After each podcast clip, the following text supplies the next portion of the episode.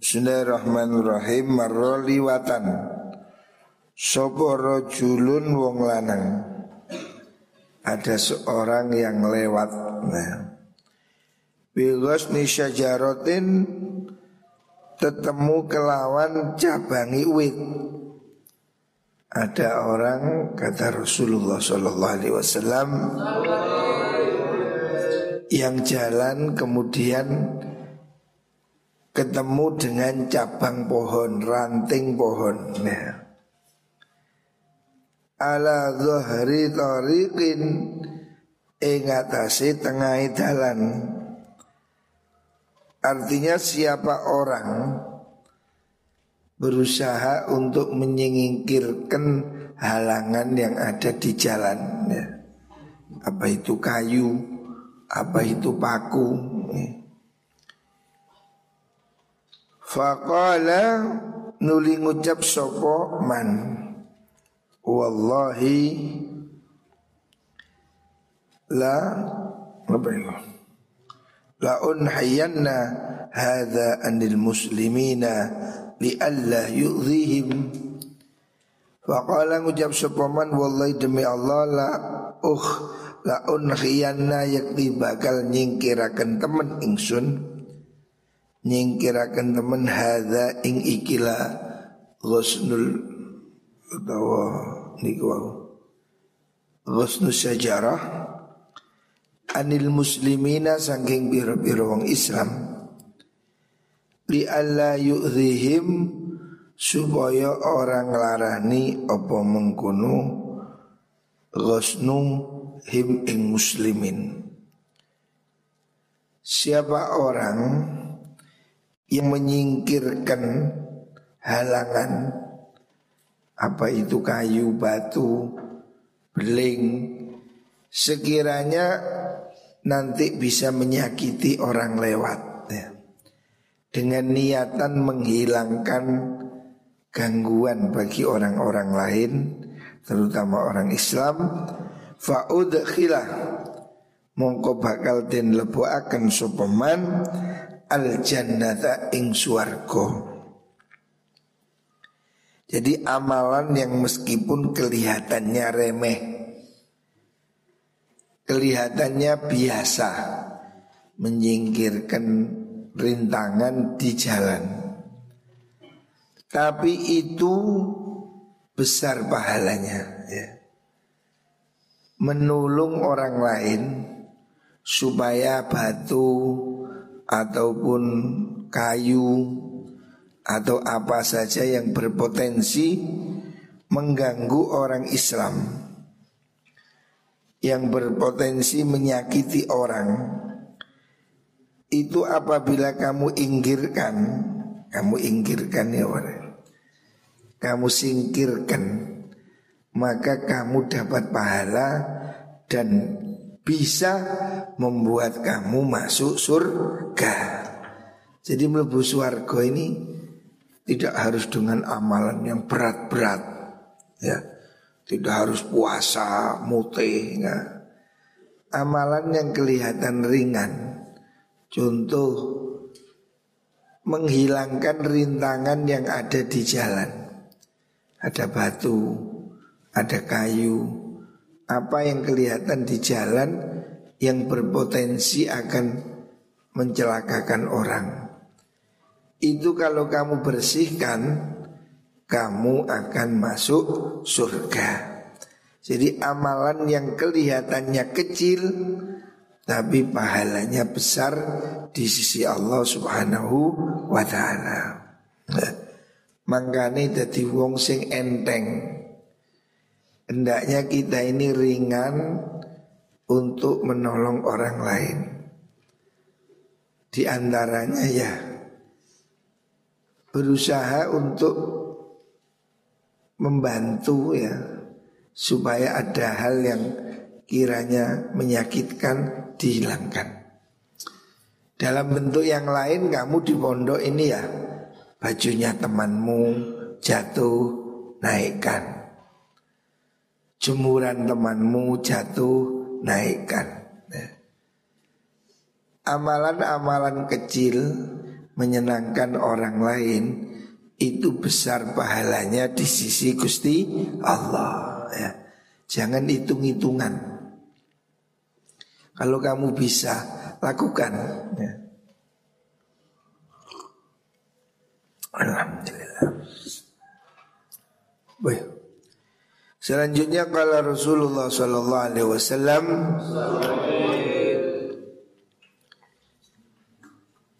Mazalul oh, boleh. Muallimul khairi. Nabi bersabda muallimul khairi utawi wong kang mulang kebaikan. Siapa yang mengajarkan kebajikan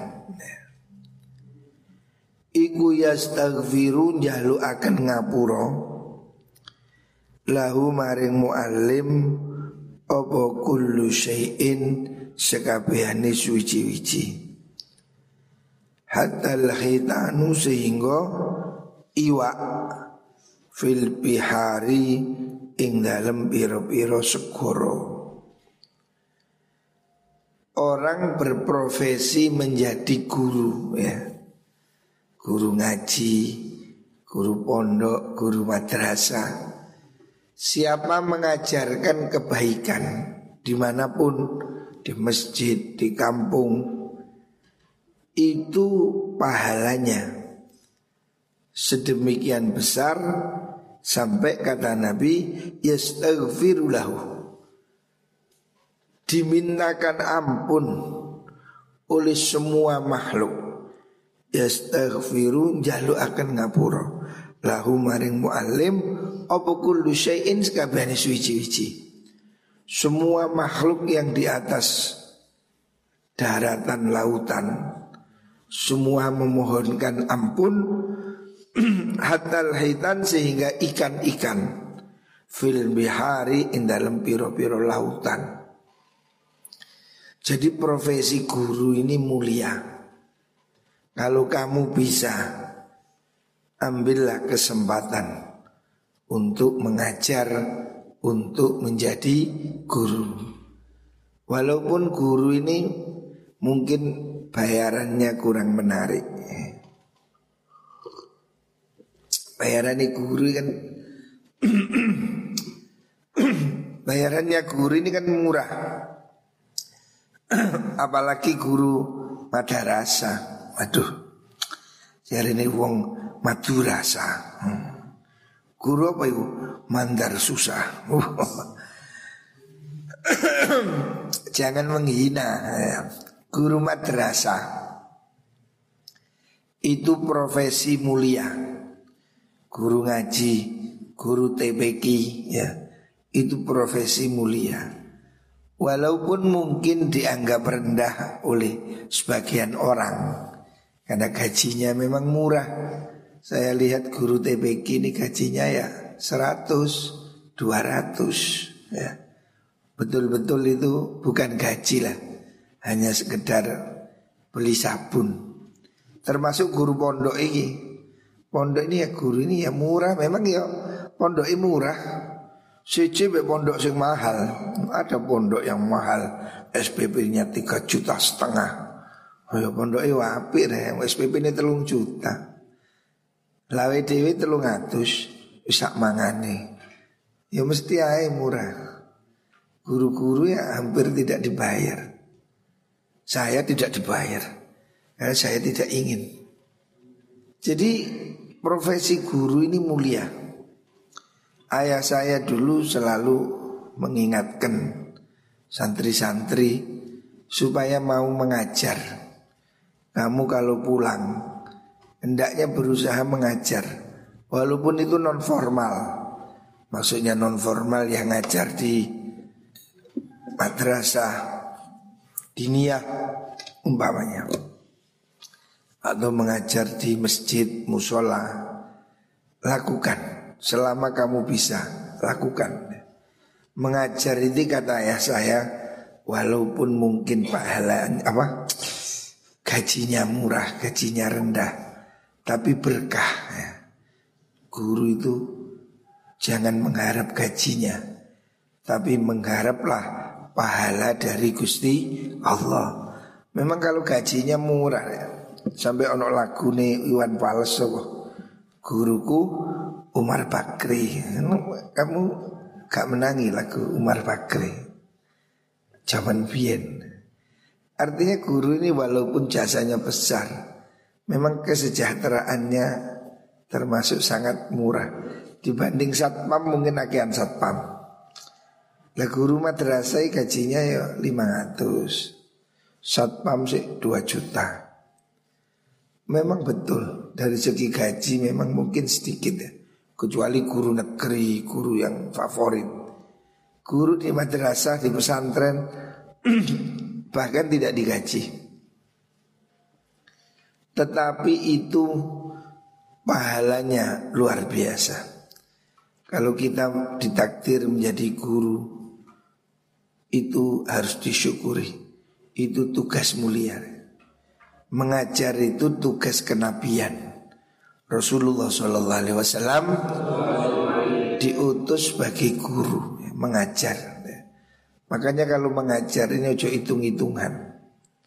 Bis Bismillah niat menjalankan perintahnya kanjeng Nabi.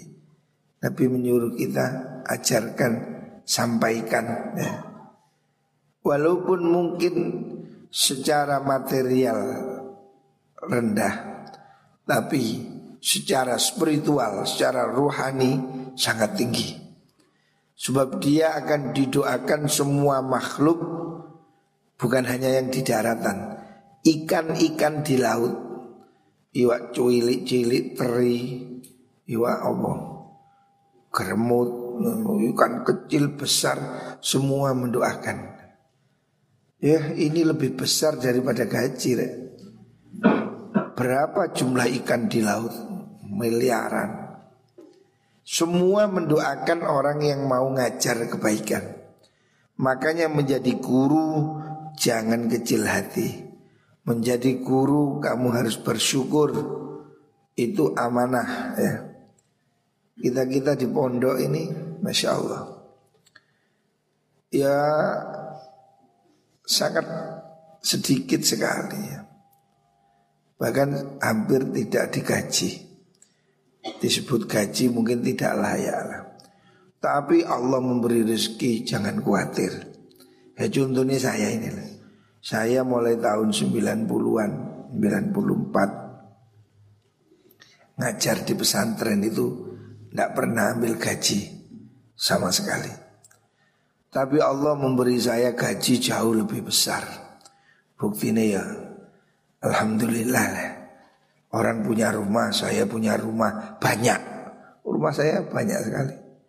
Orang punya apartemen, saya punya apartemen. Orang punya mobil, saya punya mobil. Orang punya istri, saya juga punya istri. Yo wedok bisa berdoa ya. Hah? Guru ngaji ternyata ya nggak kalah rezekinya ya. Jangan khawatir ya. Berbuatlah untuk Allah pasti tidak disia-siakan oleh Gusti Allah. Siapa menolong Allah pasti ditolong oleh Allah ya. Jangan kecil hati menjadi pejuang, jadi guru, jangan kecil hati. Kamu sedang bekerja kepada Gusti Allah. Bayarane Gusti Allah. Lebih mahal. Jangan khawatir. Ya saya sudah membuktikan lah. Kalau kamu kurang yakin. Saya alhamdulillah saya membuktikan saya ini ditawari jadi dosen apa nggak mau saya. Pokoknya saya ngono bayarannya saya nggak mau. Seumur hidup ini saya belum pernah ngajar sekolah formal. Ya. Walaupun kita punya sekolahan mulai SD sampai SMA. Saya mana pernah saya ngajar di sekolahan ini? Enggak pernah. Karena bagi saya ngajar di sekolah ini sudah banyak peminatnya. Saya ngelamar setumpuan sampai guru-guru sekolah ini banyak sekali sehingga saya nggak minat sejak dulu sejak saya pulang dari pondok tidak pernah saya ngajar di SMA Anur, SMP Anur, MTS Anur, ah, tidak pernah saya. Saya lebih senang ngajar ngaji seperti ini. Kalau ngajar ngaji sejak dulu, sejak belum selesai mondok, saya sudah ngajar. Sejak saya masih mondok oleh ayah saya, Ramadan saya suruh ngajar. Tapi ini saya merasa senang. ngajar ini saya ya walaupun apa pun saya berusaha ngajar. Walaupun tidak dibayar. Karena saya merasa ini lebih lebih menyenangkan karena saya tidak ada pamrih. Tapi kalau saya ngajar di kampus kan non hitung-hitungan nih satu jam satu kali datang ada tunjangan ada apa lagi itu saya nggak suka. Biar saya kalau kerja saya kerja di luar aja.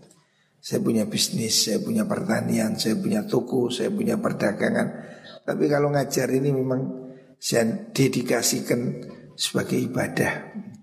Sehingga saya nggak ngajar di kampus, kecuali di kampus saya sendiri. Kecuali di kampus Al-Qalam itu pun ya kadang-kadang nemen. Nemen kadang-kadang hampir tidak pernah masuk. Karena saya ini ngajar yang formal itu gak semangat, bu sepatuan barang itu.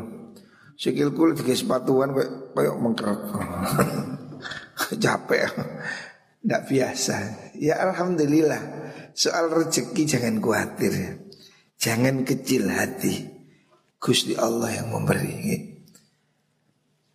Hadis riwayat Imam Jabir Selanjutnya Rasulullah Sallallahu Alaihi Wasallam bersabda mathalul mu'mini yaqra'ul Qur'an mathalul mu'mini alladhi yaqra'ul Qur'an kamathalil uturjah Nabi bersabda, perumpamaan orang mukmin Matalul mukmini utai perumpamaane wong mukmin. Alladzi yaqra'u kang maca sapa mukmin Al-Qur'ana ing Qur'an iku kama salil utrujah koyok madani buah utrujah ya. Utrujah itu apa? Buah jeruk Buah yang baunya harum ya Utrujah ini sejenis jeruk Buah yang rasanya manis Baunya harum ya. Orang mukmin yang suka baca Quran Kata Rasulullah Sallallahu Alaihi Wasallam Itu seperti buah jeruk Atau buah apel Buah yang harum Baunya dan enak rasanya ya. Menyenangkan rihuha utai ambune utruja iku tayyibun bagus wa ta'mualan utai rasane utruja iku tayyibun bagus jadi orang mukmin yang mau baca Quran itu ibarat buah yang harum rasanya enak. Makanya ini bagus sekali ya. Orang mukmin baca Quran itu luar biasa. Seperti buah yang harum dan enak dimakan. Wa talul wa masalul mu'mini tai padani wong mukmin alladzi la yaqra'u kang ora maca sapa mukmin Al-Qur'ana ing Qur'an iku kama salit tamroti kaya buah kurma. Orang mukmin tapi enggak sergap baca Quran itu bagaikan buah kurma. Lariha ora ono ambu iku mewujud laha ketui tamrah kurma kan tidak ada baunya. Orang mukmin yang tidak rajin baca Quran itu ibaratnya seperti buah kurma buah kurma itu tidak ada baunya meskipun rasanya juga enak Rasanya enak tapi tidak ada aromanya. Wotok muha utawi rasane mengkuno tamroh iku hulwun manis. Kurma manis, tidak ada baunya. Ya. Itu ibarat orang mukmin yang tidak suka baca Quran. Makanya kita ini jadilah orang mukmin yang suka baca Quran. Supaya bagus luar dalam bagus baunya, bagus rasanya. Wa mathalul munafikilan utai contone wong munafik, tapi kalau orang munafik alladzi yaqra'u kang maca sapa munafik Al-Qur'ana ing Qur'an. Orang munafik baca Qur'an. Iku kamathalir raihanati koyok padane buah raihana Rehana itu nama jenis buah atau pohon. Pohon rehana itu baunya harum tapi nggak kena dimakan. Oleh ambune tok, ambune koyo enak. Tapi nggak kena dipangan. Rihuha. Andra.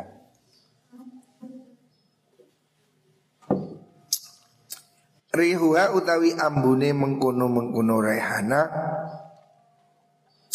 Iku toyibun bagus. Baunya sih enak. Tapi watok muha Utawi rasane mengkono rehana Iku murun pahit Rehana itu jenis tumbuhan Baunya enak Tapi rasanya pahit Kalau di Indonesia buah apa ya? Ada nggak? Buah baunya harum tapi rasanya gak enak. Apa itu? Buah apa ya? Kalau di Arab namanya rehana. Di Indonesia apa rek? Buah Buah apa? Buah apa kira-kira? Baunya enak Tapi rasanya pahit gak cocok, gak cocok mbak ambune. Nah itulah. Itu contoh orang munafik pinter baca Quran. Orang munafik ini ya orang yang tidak beriman. Orang yang tampaknya iman tapi sesungguhnya tidak beriman. Orang munafik. Apa ada orang munafik baca Quran? Ya ada. Jangankan orang munafik, orang kafir yang bisa baca Quran itu ada. Banyak rek. Yang disebut dengan orientalisir. Dulu di Indonesia ada orang Belanda namanya Senok Hogronya. Namanya Van der Plas. Itu bisa bahasa Arab. Bisa baca kitab. Konon itu pinter karena dia itu memang diajar, dibelajarkan di Timur Tengah, di Mekah. Nah. Jadi seperti Islam Senuk gurunya itu men, menyaru, menyaru ya Me, apa menyaru? Menyaru, ngerti menyaru enggak? Iso ngantuk cibir. Senok gurunya ini berpura-pura sebagai muslim. Dia masuk ke Mekah, ngaji di Mekah. Seperti muslim ya jubahan ya jenggotan. tapi tidak Islam. Jadi dia itu ditugaskan memang untuk melemahkan perjuangan di Aceh. Jadi masuk ke Aceh seperti kiai. Tapi dia itu penjajah. Begitu juga Van der Plas. Van Plas ini gubernur Jawa Timur. Itu bisa banget sih, bisa baca kitab. Sampai saya dengar dari seorang kiai pernah ditegur oleh Mbah Wahab. Kiai Wahab ini heran, orang ini pinter, bisa bahasa Arab, bisa baca kitab kuning, bisa baca Quran, tapi non Muslim. Pernah ditegur oleh Mbak Wahab katanya, ditegur sampean ini bisa baca kitab, bisa bahasa Arab, tapi kok gak masuk Islam. Ya jawab, mau ngerti Al-Quran. Anu kiai, hati saya ini ditutup oleh Allah. Kan ada dalam Al-Quran itu Khotamallahu ala qulubihim. Jadi hati saya ini ditutup. Ya ngerti? Yang gendeng ya Ya apa ya dalil? Tapi tidak iman Ya dia mengaku saya ini ditutup hati saya oleh Allah Kan ada dalam Al-Quran itu Khotamallahu ala qulubihim wa ala absorim Jadi dia itu ngerti Al-Quran tapi tidak beriman. Jadi orang non muslim itu ada yang rajin belajar kitab Islam tapi tujuannya untuk mencari kelemahan. Saya waktu dikirim pergi ke Inggris tahun 2003 saya pergi ke Inggris. Saya melakukan beberapa diskusi di beberapa universitas di Inggris, di Birmingham, di Manchester, termasuk di Leicester.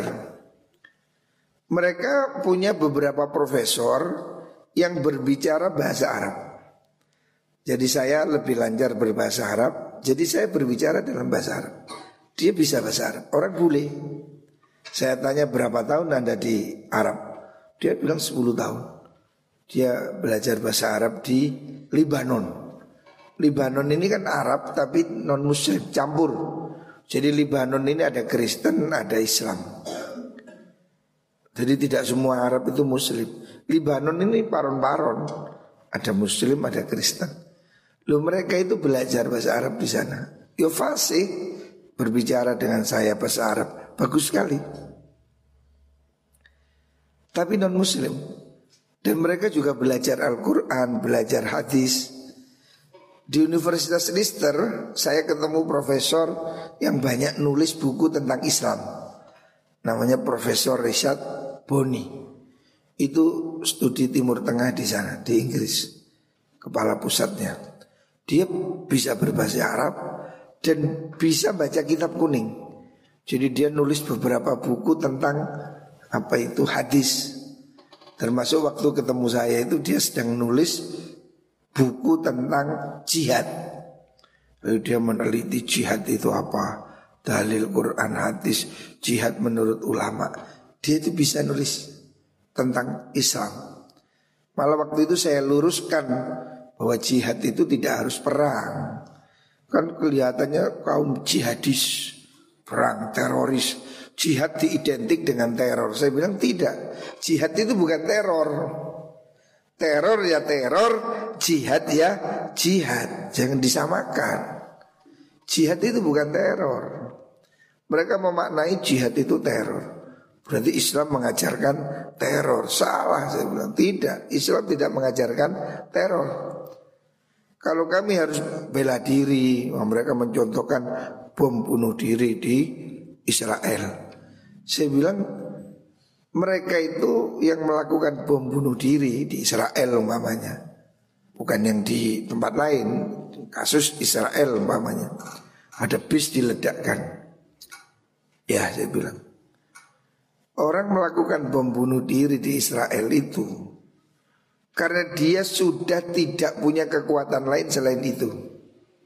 Karena mereka telah ditindas sedemikian rupa. Mereka telah dizolimi, mereka telah dirampas semua miliknya Sehingga dia tidak punya kekuatan lain selain tubuhnya. Kalau dia punya kekuatan ya dia kirim pasukan. Saya bilang berapa orang yang kena bom? Bom bunuh diri itu taruhlah meledakkan bis 50 orang mati. Oke, Anda bilang itu kejahatan tapi berapa ratus ribu orang yang dibunuh tentara Israel atas nama negara. Mereka terang-terangan membunuh, mengebom. Bisa jadi jutaan rakyat Palestina itu mati, terusir. Tidak ada yang bilang Israel teroris. Saya bilang ini tidak adil. Mereka sama-sama membunuh dan ini pembunuhannya jauh lebih besar. Bayangkan, Palestina itu sebuah negara merdeka, berdaulat didatangi oleh perampok-perampok itu. Israel itu para pencuri, para perampok datang merampok negara Palestina, mengusir orangnya dan membunuhnya. Loh, korban Palestina itu tidak diungkap ratusan ribu bahkan mungkin jutaan orang Palestina yang terbunuh itu oleh Israel. Sampai hari ini mereka main tembak, main tembak. Apa ada yang bilang Israel teroris? Sama-sama membunuh, tapi mereka membunuh dengan atas nama negara. Mereka punya kekuatan. Mereka ngebom. Tidak tidak disebut teror. Tapi kalau orang Islam yang tertindas, teraniaya, yang tidak punya apa-apa selain tubuhnya, semua dunia bilang ini teroris.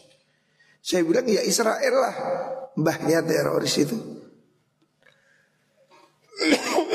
kita tidak ingin ada pembunuhan sipil, ya kita tidak setuju. Tetapi yang dilakukan oleh Israel yang dilakukan oleh Amerika di Timur Tengah, di Irak, ya, yang dilakukan mereka itu menghancurkan negara-negara itu jauh lebih teroris. Ya. Kalau kita bilang pembunuhan pada orang sipil teror, oke, okay, berarti Amerika itu mbahnya teror. Cuma dia resmi bawa pesawat, bawa bom, hancurlah negara yang bernama Irak, hancurlah Libya, ya, hancurlah Suriah. Itu kan permainan negara-negara kuat mengadu domba, mengirim senjata. Itu jauh lebih dari teror itu. ISIS Teror, iya itu teror, itu kejahatan. Siapa yang biayai? Amerika. Mereka bermain-main. Lah, ini loh dunia yang saya bilang tidak adil. Kenapa kalau muslim ini sekarang kasus di mana? Perancis. Wah, itu Islam teroris. Siapa yang bilang teroris? Ya kalau ada orang membunuh ya dia dong. Coba di Selandia Baru. Ada orang nembaki orang di masjid. Berapa korban? Tidak ada yang bilang Kristen teroris. Itu pelakunya teroris. Lebih kejam mana coba? Pembunuhan di Selandia Baru. Itu orang di masjid. Orang mau jumatan. Diperondong sama apa namanya? Senapan otomatis. Dihabiskan dunia tidak bilang Kristen teror enggak ya itu teroris tapi kenapa kalau di Perancis ada satu orang membunuh orang yang melecehkan Nabi, dunia bilang Islam teroris. Mana? Tidak adil ini. Yang teroris ya pelakunya itu. Tidak ada kaitannya dengan Islam. Islam tidak mengajarkan teror. Nah ini dunia yang tidak adil. Kalau yang melakukan mereka bukan teror. Tapi kalau yang melakukan umat Islam teroris. Ini pemandangan yang tidak adil sama sekali. Kalau Amerika menjatuhkan bom curah di Afghanistan itu betul-betul biadab. Jadi mereka tidak bisa nak apa tentara Amerika tidak ngatasi mujahidin Afghanistan kan di gua-gua itu di gunung-gunung. Mereka nggak telaten, bom semuanya curah dihabiskan, mati semua semua makhluk. Dunia diam, padahal kurbannya wah nggak terkira itu. Kalau yang melakukan orang yang kuasa, dunia diam. Tapi kalau yang melakukan umat Islam, dunia teriak gak karu-karuan.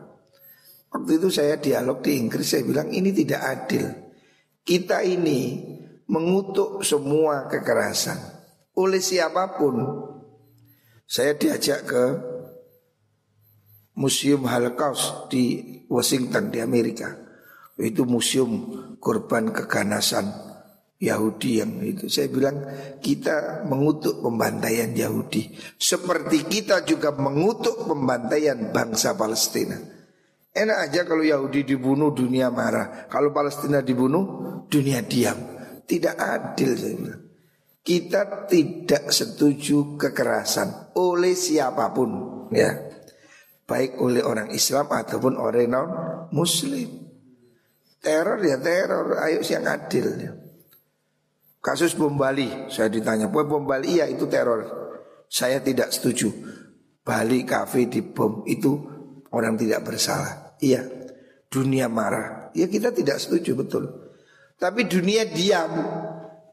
Kalau yang dibunuh orang Islam, contoh Sampit. Sejarah sampai hari ini masih ada kota Sampit. Berapa puluh ribu orang Madura dibunuh di Sampit. Dunia tenang-tenang saja.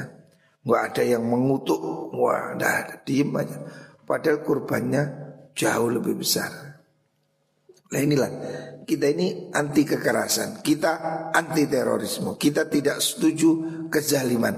Oleh siapa pun ya Ini harus digarisbawahi. Oleh siapa pun Amerika pun dia zolim Siapa pun yang tidak adil Zolim dan harus ditentang Jangan kalau pelakunya Amerika semua diem. Ayo kalau pelakunya yang lain marah. Tidak, ini standar ganda ya.